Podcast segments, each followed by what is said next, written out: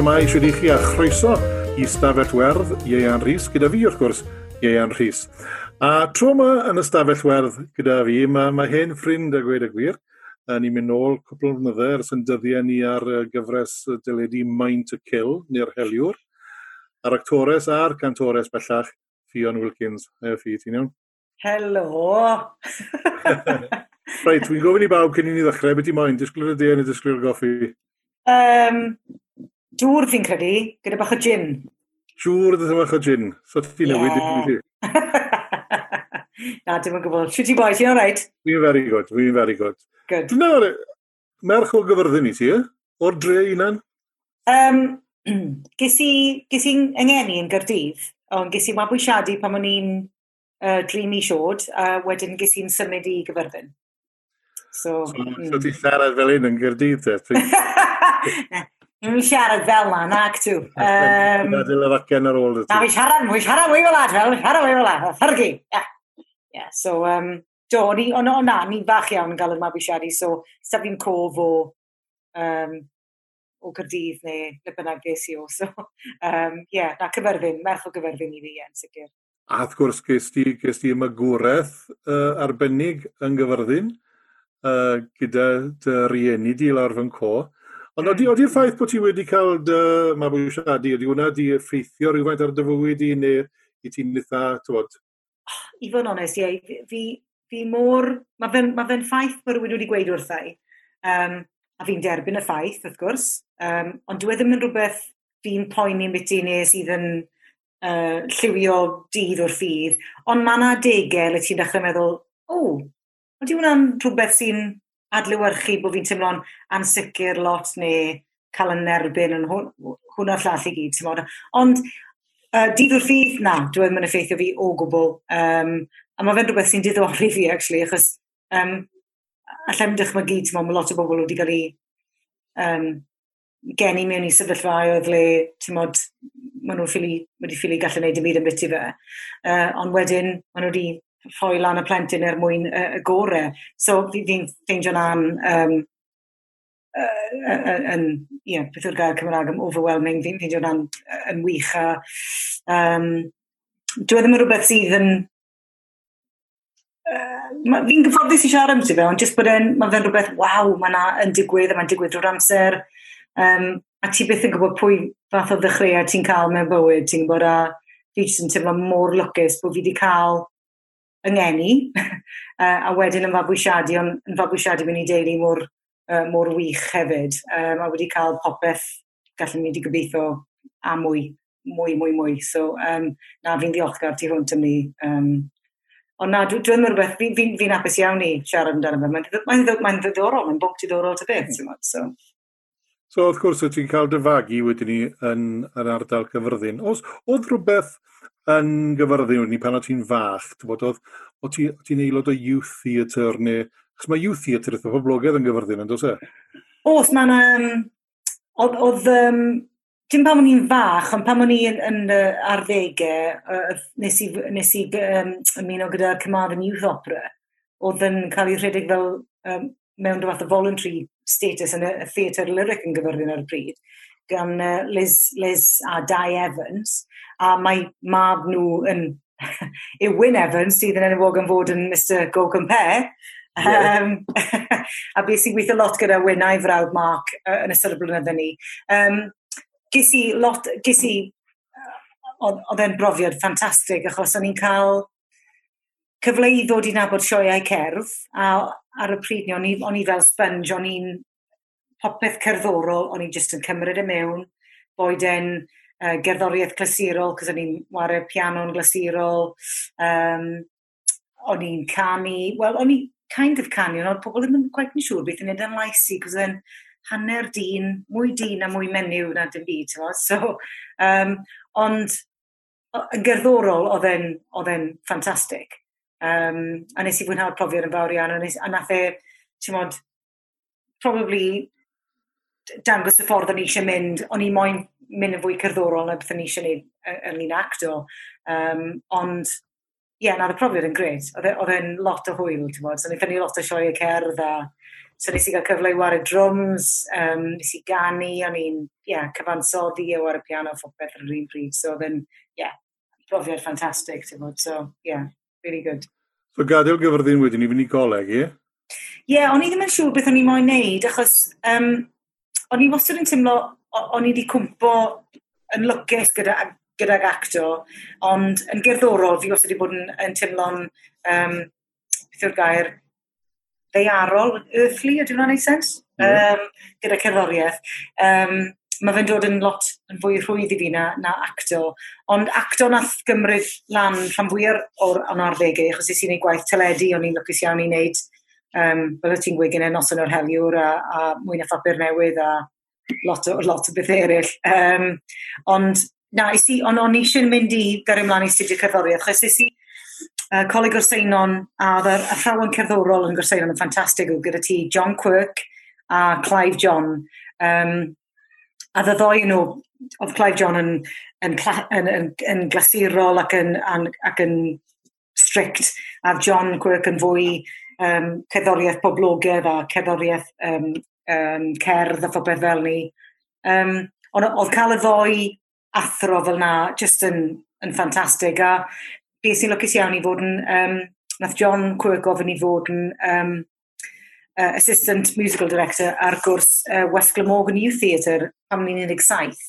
Um, a ddod amser creadigol masif i fi um, a ges i lot mas ohono fe. A fi'n credu na beth nath fi feddwl cerddoriaeth fi eisiau gwneud yn fwy nag acto. So nes i, um, yeah, nes i um, applyio i fynd i Goldsmiths yn Llundain. Um, a nes i studio cerddoriaeth fyna. Ond fel actores, dethon ni nabod i yeah, gynta, yeah. yn yr heliwr, Mind to Kill. Yeah. Um, a ware Hannah, ie? Yeah?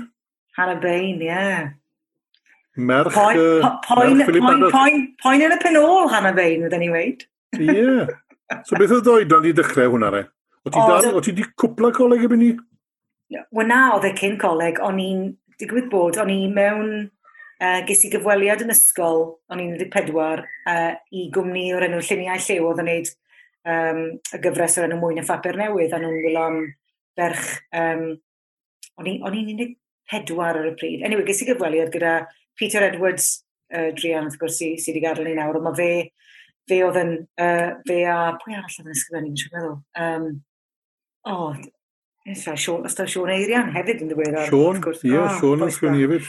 Ond Sean wedi sgwennu noson o'r heliwr yn sicr, ond um, so ges i gyfweliad am, am mwyn y ffepr newydd, a nes i dair cyfres o hwnna, gyda, o, oh, ni'n completely starstruck ar y pryd, oedd William Thomas a Bryn Fawn a'r, ar crowd, crowd na i gyd, o'n i like, oh my gosh.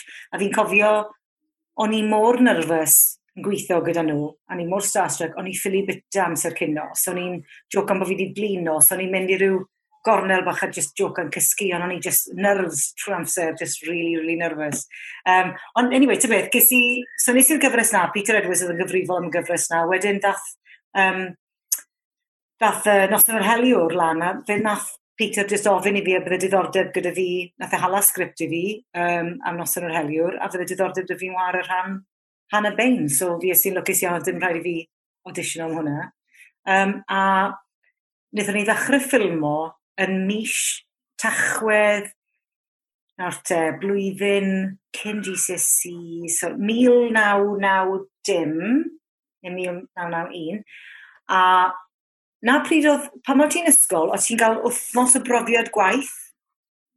Sam os ti'n cofio, os ti'n cofio hyn, os ydych chi'n cofio hyn. O ti, y mis, mis techwyd, o'ch chi'n cael wrthnos o brofiad gwaith, a chi'n cael dewis le chi'n mynd fel athro, neu plismyn, neu beth bynnag, mewn i'r cwrt neu beth bynnag. A digwydd bod, oedd yn wythnos ffilm o cyntaf i o Noson o'r Heliwr yn cwmpo ar yr wythnos profiad gwaith. Ond wrth gwrs, o'n i'n cael ymhalu am, am fy mhrofiad gwaith, so oedd hwnna'n ffantastig.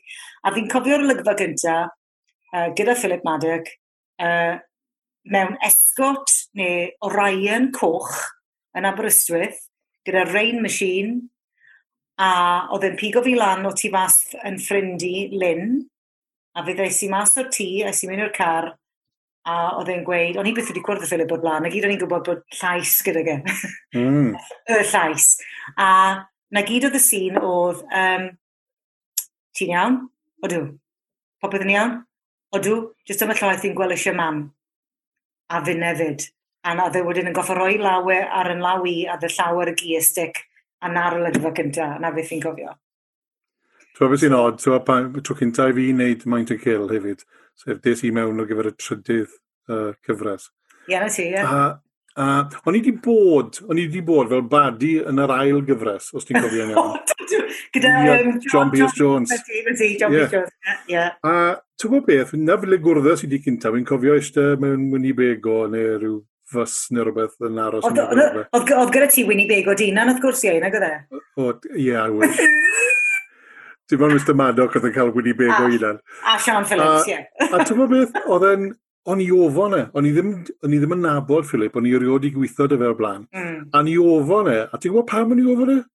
Achos y llais. Oh, Achos oedd y llais mor gyfoethog mae dy fe, rhaid? Mm. A ddyn hala ofon o'n i. Ond wrth gwrs, fel i ti'n gwybod yn iawn, dys i'n abren iawn wedyn ni, a, a ffilmo dy fe am y gyfres gyfan, a yeah. neud lot o waith llwyfan dy fe hefyd a gyda ni'n dipyn o fet wedyn, so ni ddim ofon erbyn ni'n diwedd. Na, na, na, na, na, fi'n gwybod. Na, oedd e, e'n fwy...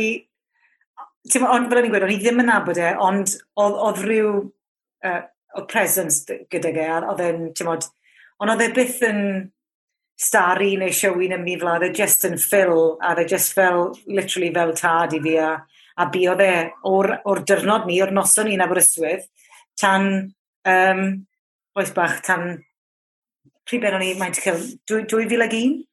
Um, a wedyn nes i weld y cwbl o weithiau ar y tren o rhwng Cyrdydd a Llundain. Um, cael cwbl o lasses y wyn coch, ond wrth gwrs o'n i'n talu amdano. Um, Ie. Ond yn anodd, anodd iawn cael drink mas o Philip. Na gen ti wedi wrth fi bod wedi dod y cwbl o cans o special brew i ryw beth yn Ludlow, efe? O'n i'n neud Shakespeare yn Ludlow, a ni'n mynd i'r pub ar ôl ymarfer neu ar ôl y sioe a beth y Phil yn dod mewn a special brewd o fe mewn bag, achos oedd yn oh gwrthod prynu uh, cwrw tu ôl. Oh so, ie. Yeah. Right. Yeah. yeah. yeah, na ffil, e, na Phil. E. Na, oedd e'n gret. A um, un peth, fi'n cofio'r dyrnod... Oedd e'n od, oedd e'n dyrnod od. Y dyrnod diwetha fi weld, Philip, um, oedd fi'n credu tua tri neu pedwar mis cyn iddo fe i farw. A digwydd bod nes i ddim mewn ar y trein um, o Lundain nôl i Abertawe, cos o'n i yn byw yn ôl yng Nghymru ar y pryd.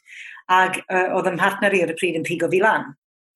Ac um, a wrth da, ty beth, dis i mewn i'r station a pigodd yn partner i lan a ni draw. A na pwy yn y pellter yno, ond Philip Madog. A oedd e'n siarad, neu complain o bod ticket neu rhywbeth ddim wedi cael ei talu neu fel fi'n cael beth bynnag, rhywbeth i wneud y ticket. Troedd o rown, a ta beth, nes i aros ys bod e actually'n gweld fi, cos o'n i'n mynd i gweld ys flynydde, A wylodd e fi, a nath e fynd, os i ti ffili gweld beth fi'n eron. Nath e, oh, as in, my daughter, Hannah. A cerdded i draw ta fe, cerdded draw ta fi, nghanol yr uh, station train yn Abertawe. Cwtch, massive, A wedes i o, what, what, you, what are you doing here? What are you doing? I'm, I'm about to do uh, an ident. Fe na beth ti'n ident? Yeah, yeah. For, for, um, um, for the Six Nations for, for BBC. Uh, yeah. But I've got to get to Clarbeston Road. That's where we're filming it. I'm, I'm being a druid. Or, uh, as os ti cofio'r cofio link. Yeah, na ti. A, um, but, but I've, I've missed the train now, so I've got to wait you now for an hour. So, well, tomorrow, on, why don't we go to the, to the uh, you know, why don't we just go across the road and have a little drink I'll pay. um, so, eithon ni fynd i'r, um, uh, Dragon Hotel neu'r Railway Hotel, sa'n gwybod pyn sydd drws nesaf ar station yn Abertawe. Yeah. Anyway, mewn yn ni, a oedd e'n, oedd e'n edrych yn fwy, mwy ffreil na beth ni wedi gweld yn ysbel fach, a um, obviously ges i pyrnes i wyn coch iddo fe, a fe steddon ni lawr yna, wedyn, um, a fe eitha e emosiynol i weid bod e'n, teimlo bod bydde fi wedi licio wneud mwy o um, benodau o Mind to Kill, achos bod lot o bobl wedi gweud bod na rapport ffantastig rhwng o fi a fe, a dechreuodd y fynd yn effe emosiynol, a, a dechrau lle fyna ni, like, ww, John ddim fel, ddim fel Phil, ond oedd rhywbeth yn eitha... Uh, eh, oedd Wel, oedd e ddim yn teimlo'n ffainal ar y pryd, ond oedd rhywbeth yn special am y foment, a fi mm. wedodd yn, yn, yn, yn partner i'r pryd, wedodd e, oh, look, shall I take a pic of you together? Dyna oedd y llun ohono ni. Um, a oedd yn gret, a wedyn cerddon ni, cerddon ni ffil wedyn nôl y trein i Cla Claberson Road, a wedyn is i nôl i uh, Rhyd ama, mewn ni'n byw ar y pryd. A nath ym hartner i ar y pryd wedi dweud fi wrth e, I don't think you'll see him again. A I see, wow, a ni actually meddwl, ti probably'n iawn. Oedd yn edrych, oedd rhywbeth yn biti fe ar y dyrno ni, oedd yn edrych yn timod, yeah. yn wan iawn, oedd yn emosiynol, a o'n i ddim, oedd e wastad yn gryf ac yn, timod, uh, yn direct pan o'n i'n abod e, e oedd e'n, fi mor ddiolchgar ddo, bo fi wedi gweld e, timod, yn osod. Oedd e'n lwli. Yeah. Na dyn a hanner actor a hanner i fi, twyd, a yeah. er bod e'n dyn, a doi arian. Oedd e'n gymeriad a hanner i hefyd, a fel ti, dy fo, ges i sawl laff yn, yn ei gwmni fe. Mm, Ond mm. wrth gwrs, oedd dath Mind to Kill, fel wedys ti nawr, dath hwnna i ben. Mm. So beth oedd ymlaen yn dy ben di wedyn ni, bod y gyfres yna wedi dod i ben, ys ti feddwl, reit, wy'n mynd yn ymlaen nawr i wneud cyfresu eraill, neu wy'n gwybod, nes ti, ys ti ymlaen i wneud sawl cynnyrchiad theatr ar ôl ni. Do, do nes i, ond on, fi sy'n ddigon lwcus, o rhan, o rhan gwaith, fi'n fi, fi edrych nôl ar, ar, ar, y cyfnod ni, oedd popeth nes i, oedd yn Oedd e'n, oedd e'n production da a popeth o'n i'n involved in, oedd e'n, oedd e'n, oedd wedi mynd yn dda, ti'n mwyn, oedd wedi gweithio mas yn gret i fi. Um, nes, nes i, nes i uh, bobl o cwm am gyfnod um, eitha hir, ti'n modd, a hwnna'n brofiad hefyd, cos o'n i ddim wedi gweithio dan yr ymodau le ti'n goffa gweithio yn gloi, gloi, gloi, on i mark, ti'n modd, uh, le mae fe'n lot fwy cyflym na beth oedd Mind to Kill wedi bod. Um, so do, beth sy'n ddigon ffordd, nes i um, nes i bobl y cwm am gyfnod, a wedyn, uh, fi tra cofio nawr, mwyn dechrau'r 2003, a nes i, nes i bwt bach i um, y drama'r Steddfod, nes i dosbarth gyda Rebecca Harris, Jonathan Nefydd, a Sarah Lloyd, oedd hwnna sport, out of my depth completely. Um, a um, Dyffrydi Elen, y byddig, dylen ni wedi, Elen Bowman yn cyfrwyd hwnna, nath i war y teg. Dyn ni byth wedi gallu gwneud y e hebddi. Fi'n cofio um, i weld ti. yn Llanofer Hall yn Gyrdydd. Ti'n cofio fe? Oh my gosh, wir! Fi'n cofio dy O, oh, o'n i stryglan, stryglan yna. Na, gwrdd. Jyst achos na, jyst achos, achos bod fi ddim wedi kind of, ti'n modd, wedi treino fel act actores mewn theatr, o'n i wastad yn teimlo na fe bach o chip. Um, a wedyn mi cofio 2005 wedyn ges i um, nes i wneud Amazing Grace. A o ti'n hwnna fyd. Uh, yn 2005, fi'n meddwl, gyda'r Wales Theatre Company, gyda Michael Bogdanov. Um, a ddwnna'n agorau llygad hefyd, ti'n gwybod, achos hefyd o'n i'n teimlo, o lot o actoresau ni gyda nhw, o'n nhw'n kind of teimlo'n gyfforddus iawn o'r llwyfan, ond o'n i just ddim, achos fi wedi gwneud cymaint fwy o dyledu na beth o'n i wedi gwneud o theatr. Um, ond oedd, ti'n modd, cael canu cyneuon mal pop yn absolute Dream a fi'n credu oedd y oedd y cynhyrchiad na e, yn wreiddiol, oedd e'n ro, oedd e'n newydd, oedd e'n oedd e'n gynta, a fi'n credu oedd e'n ffantastig, oedd rhywbeth yn, yn, yn, tymod, yn magical iawn yn beth yna.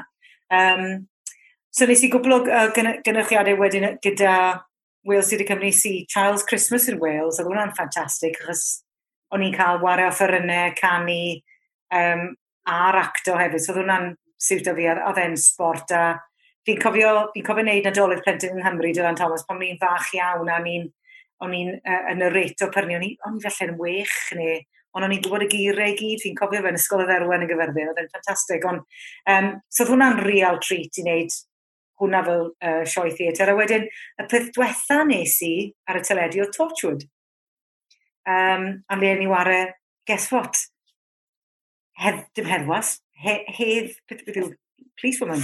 Yeah, hedd fenyw, for just like, well, we're. Hedd fenyw! Um, So yeah, so nes i fwynhau o'n i'n gweithio gyda Roger Barkley a John Barrowman a Eve Miles, a hwnna'n real treat, so a wrth gwrs ti di wneud Torchwood hefyd. Dob na, ti'n neud Doctor Who? Ah, so di wneud Torchwood o gwbl. Doc, Doctor Who nes i, Doctor sorry. Who nes i, ie. Yeah. So, um, a wedyn ar ôl ni, nes i, nes i kind of, um, Ie, yeah, ymddiheirio. Ymddiheirio Na, yna ymddiheirio. Dwi ymddiheirio, na ge. Ymddiol. Ymddiol. Ie. Ond nes ti, nes ti, ti di ngofio un cynnyrchiad, wrth gwrs. Bon. Christmas Carol. Oh, Dyw. Nawr te, na beth o'n... O'n i'n neud Christmas Carol yr un pryd a Charles Christmas in Wales. On, on. A Ron Moody um, oedd yn ware um, Scrooge, wrth gwrs Ron Moody yn enwog am ware Fagin yn yeah. y ffilm Oliver. So pawb mm. yn gynnyrfus iawn bod Ron yn mynd i ware uh, y cymeriad Dickensaidd um, uh, Scrooge yma. To, mm. iconic, to. Odi, Ond po da ba fe, oedd e'n ffili cofio i enw jyst o fod, oedd e? Wel, digwydd bod, ti'n pwy fi wedi bod yn siarad, ni, cyn bod fi siarad ti, fi wedi siarad llinos Daniel heno, digwydd bod, a fi o'n i siarad ar y ffaith bod, bod um, Sean Eirian wrth gwrs wedi marw yn ddiweddar, a bod i wraig e Erica ar y, ar y noson agoriadol o Christmas Carol yn Abertawe, um, yn goffod rhoi'r leins i Ron Moody. A oedd e, basically, ffili clywed hi o o'r wings, so bob oedd hi'n goffod dod yn agosach ac yn agosach i ddod mlaen o'r llwyfan, so bod Ron yn gallu chlywed hi. A oedd e'n gael llun o syndi'r goffa fi, oedd hi'n gweud, oedd Ron yn gweud, can't hear you, line, line, a then Oh my god. Cant a hanner o prompts gath oh, nos wythna. Ife? A nath rhywun uh, sgrennu adolygiad o'r noson agoriadol yn gweud bod y prompter, sef Erica Eirian, yeah. she was on stage more often than Ron Moody. Yeah, yeah. A wedodd llunos, so, ddim ti um, bod na'n siw bod, na siw, bod gyda ti sgidiau cyfforddus, chos fydd i di'n, bydden nhw'n cael ei gweld gen y thing, ti'n modd, so, chos oedd i ar y llwyfan, ond, um, na, oedd hwnna'n brofiad, un, un peth fi'n cofio yn byty'r profiad na fyd, yw'r ffaith bod ar ôl un o'r end of shoot parties, gyda ni bach o sing-along, a fi'n credu yn y gogledd o'n i'n rhywle, a fi oedd yn war y piano, oedd rhywun wedi gofio offi. Yn Llandudno. Llandudno, na ti, right. A Ron di talu am y parti. Na ti, right. So, cododd Ron Moody lan, oedd e moyn canu um, Uh, you've got you've got to pick a pocket or two. Right. Yeah. So fi wedi clywed y gan, fi byth diwara fe'n yn byw, ond fi fig idea beth yw'r codes. A ni'n meddwl, okay, I'll accompany you. So dechrau i fampo, we see what kind of key we looking at. A fi cofio gweud, what kind, of, what kind of key we looking at? What are you looking at? What are they? Don't you know what this song is? I see. Right. Right. So ddechrau i fampo yn C minor, probably. Mm, mm, mm. Yeah. I, I did my best. Fi'n siŵr bod e ddim yn berffaith, ond o'n i'n meddwl, oh, god, oedd e e'n oedd ddyn a hanner i weithio gyda, o'n i'n meddwl, oh, no, o'n i'n... Ti'n gwybod beth i gofio am y noson yna hefyd, a ti'n sôn amdano fe'n canu Pick a Pocket o tŵ. Ie. Yeah. Yn ganol y gan, yn gofio dde'r lines. Dydw i'n gofio. A sylwyd. No, fi yn gofio. A dechrau o'r gweddill y cast. Dechrau gweddill y cast canu. Yn gan. Oedd e wedi bod yn canu ys dechrau'r chwedegau.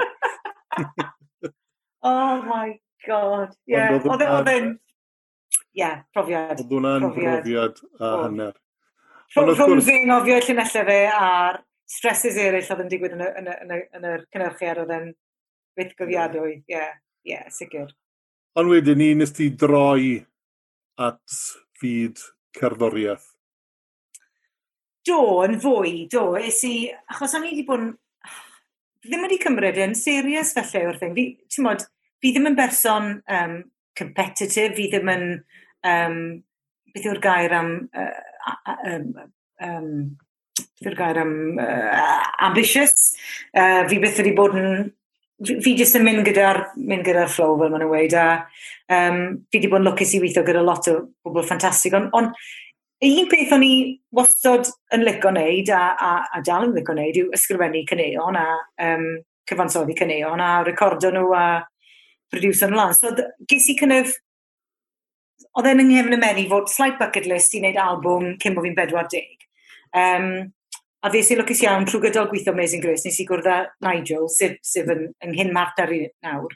Um, a un o'r um, producers gore eriod fi er, yn gerddorol fi eriod wedi gweithio gyda a mae mae, mae, ma, ma fe'n genius heb bost ag o'n i bai a fi'n siŵr lot o bobl yn, yn cytuno gyda fi ond um, nes i glywed beth nath ei gyda cerddoriaeth Caryl, Caryl Pari Jones a, um, a Mal Pope, a Bryn Terfel a llawer o bobl eraill, Martin Joseph. Um, a ni'n meddwl fe yw'r person perffaith i, i wneud yn album i. So, ti beth, long, long story short, um, fe, dda, fe ddath na i fod, ond gymrodd i blynydde i ddod. Um, ond eithon ni gwblhau'r album, um, so 2014 fydde, nes i droi'n 40. Um, a ie, yeah, o'n i'n hapus iawn gyda ge, ond oedd e'n oedd e'n rhywbeth o'n i just eisiau just eisiau neud, ond on o'n i'n rhi siai i neud e, os, os ti'n deall beth da fi. Um, oedd e werth aros yr holl amser na, achos wedi ni dath, dath y yr album mas. A gad i ni cael hoi bach fan hyn nawr, jyst i glywed okay. un, un o'r tracks ar yr album, Take It or Leave It.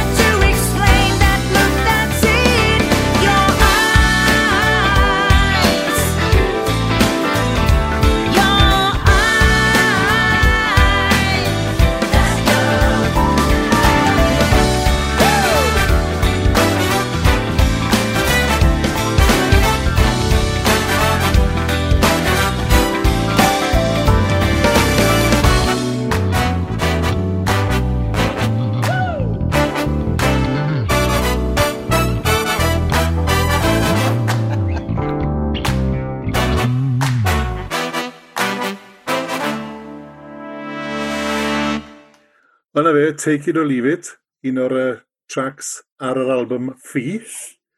Yeah. Um, le all bobl cael gafel yn yr album yma, achos mae y copi dy fi barod. Halais i ni eisiau dweud? Do. um, mae ma, ma fe ar gael ar Amazon, Spotify, iTunes, uh, a, a, a, a hefyd mae cyngerdd uh, gyfan o'r launch ar YouTube hefyd. Uh, Nethon ni'n wneud launch yng Nghymru yn Acapella, yn Penterch, A um, so ni, ni wedi wnaethon ni ryddhau hwnna, actually, digwydd bod, dechrau'r lockdown, wnaethon ni ryddhau hwnna. So mae fe'r gael ar YouTube, so just uh, type o mewn ffi, um, never neu a cappella, beth bynnag, ar y search engine. A mae'r cyngerdd yn awr y chwarter, um, oh, of course o ti na, weles i fe. Yeah. Um, so, ie, yeah, mae neis, neis i gael e ar, ar record, fel maen gweud. Ond, ie, yeah, o'n i lyfus iawn. Siwr ymateb ti wedi cael i'r album? O, oh, mae wedi bod yn gret, ond beth fi wedi ffeindio sydd um, a fwy y diddorol yw'r ochr busnesol o'r busnes le ti'n ti'n lle wneud gymaint a hyn, ti'n lle wneud yr album, ti'n lle cymansoddi'r cyneuon, ti'n lle wneud y fideo, ond o ran gwerthu'r peth, mae hwnna lan i rhywun arall, achos ti'n lle wneud hyn a hyn wrth gwrs ar social media, ond um, o'n i'n ffeindio'r ochr na o ti'n goffa talu promoters. Oedd e'n fryd, nes i bopeth ar yng nghefn yn hunan o yn ariannol, oedd dim cwmni recordio yn y byd ydi. wnaethon ni ddechrau yn cwmni'n hunan jyst er mwyn o'r enw gyda ni, math o beth. Ond um, oedd hwnna'n anodd. A ti'n modd, eithon nhw mor bell a nhw'n gallu. Ond oedd e'n costi lot o arian i dal i promoters er mwyn promoter album. Ond, y feedback wedi bod yn ffantastig, ond jyst mae'n anodd cael e mas i'r masses fel maen nhw'n gweud, ti'n gwybod. So mae pethau fel yn gallu cymryd amser, maen nhw'n gallu cymryd cwbl o flynyddoedd i ddod rown y cilch a... Um, ond to, geithon ni cwbl o gyfarfodydd gyda Radio 2, ond ond ddim yn gwybod pwy o'n ni, so mae eisiau fi kind of brofi pwy i fi a bod fi werth investo, math na beth. So mae ochr busnes yr, um, ti'n modd, y bywyd cerddorol yn rhywbeth gwbl newydd i fi a rhywbeth o'n i ddim really wedi gymryd yn, yn serius hefyd, ti'n gwybod. So mae'n anodd, mae'n anodd. A ni'n glywed hefyd bod yr, y canwr Christopher yn canmol ar album hefyd. O, oedd. Um, fi sy'n, lwcus iawn, nes, nes i wneud um, backing vocals i ddwy, y ddwy album diwethaf i Christopher. Um, a ddod hwnna'n ffantastig, achos ti'n ti cael, na'r na, lefel e, i, dim bod sy'n pawb yn lyco Christopher, ond pam ti'n gweld rhywun sy'n môr uh, llwydd, llwyddiannus fel ni a'r math o um, math o fywyd a math o kind of, um, pethau chi sy'n ti'n gallu neud gyda arian, ti'n gallu produce albums gore, ti'n gallu cael y producers gore, Chris Porter, Nigel Hopkins, pwy bynnag, ti'n modd. Um, mae fe'n ffantastig a o'n i'n really nervous chos uh, fi'n cofio'r sesiwn gyntaf nes i um, ar album cyntaf Chris, Hands of Man, uh, Chris Porter oedd yn cyfarwyddo, a mae Chris Porter falle bod neb yn gwybod pwy yw e, ond mae fe, fe nath um, producer Take That, George Michael, um, lot o'r bobl un i fi wedi just mynd, oh, trwy mae wedi gyd, um, a ni'n i studio fe, um, a mae fe'n boi mor rhwydd i weithio gyda, a fe mor, um, what, what do you think we should do here for you? What, what are you hearing? What are you hearing? What do you think? What do you think? A fe just yn waw, a fi dal yn meddwl fyna, ti'n modd. So, a dim ond, dim ond backing vocals o'n i'n neud, ond oedd e still yn brofiad ac yn, yn her effernol i weithio gyda Chris Porter, so fi'n teimlo'n lwcus iawn eto. Da ti, ond yr un beth allai wedi am yr album yw bod hi'n rwydd iawn i'r undon yna. Okay, Yna beth wy'n lyco, mae'n y car ydy fi, bod, a wy'n rhoi ymlaen yn aml, mae'n mor neis. Just, so, cos mae'r ma tunes i gyd yn gret y ti fi, tywod. Diolch, diolch. Wi yn, wy yn annog bobl um, sydd heb glywed a i fynd i'r uh, ffynonellau yma i wrando arno fe, neu hyd yn oed i, i brynu copi hefyd. Wow. Nawr, um, ni'n dod at y diwedd nawr, ond fi'n gofyn i bawb sy'n ymweld â'r stafell werth yr un cwestiynau ar y diwedd. Pimp cwestiwn cloi, right? Hei! Right. right. Okay. Nawr te, Mae rhai yn ymwneud â dy fywyd actio di, rhai yn ymwneud â dy fywyd cerddorol di, falle, right? So, yn okay. gynta, pa ffilm... Oedd yw'n kind of, like, one word answer, efe? Ife, ife, ife, ife, ife, ife, Ie, yeah, okay, wel, we, right. we rioed i okay. clywed ti'n rhoi one word answer, gyfer.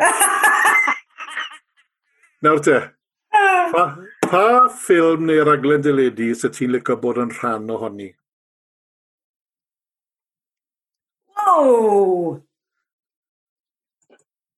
O, oh, ie i chan. Gei di ateb unrhyw byd ti'n moyn cofio. Oce. Um, just so bod fi'n gallu gwneud uh, golygfa rhyw gyda Tom Cruise, would I Top Gun?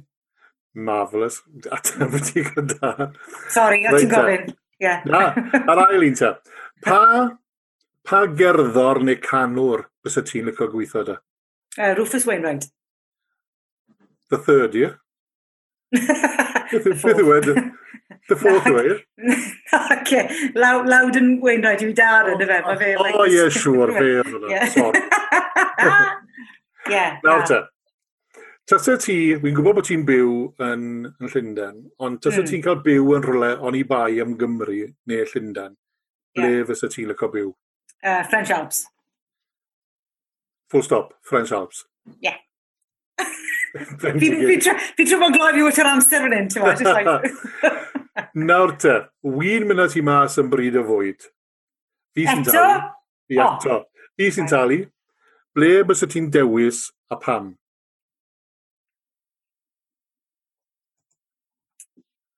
Um,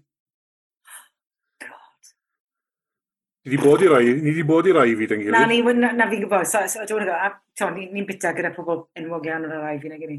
Um, Ie, gyd i weid pwy ddar o'r un ford ni. Sting! Sting, a'i wraig. Um, Ian Wilkins a fi. Oh, ah, ie. Yeah. Um, okay, so, mae yna le neis iawn fi'n lyco mynd i yn Chinatown. Um, sy'n neud dim sum ffantastig.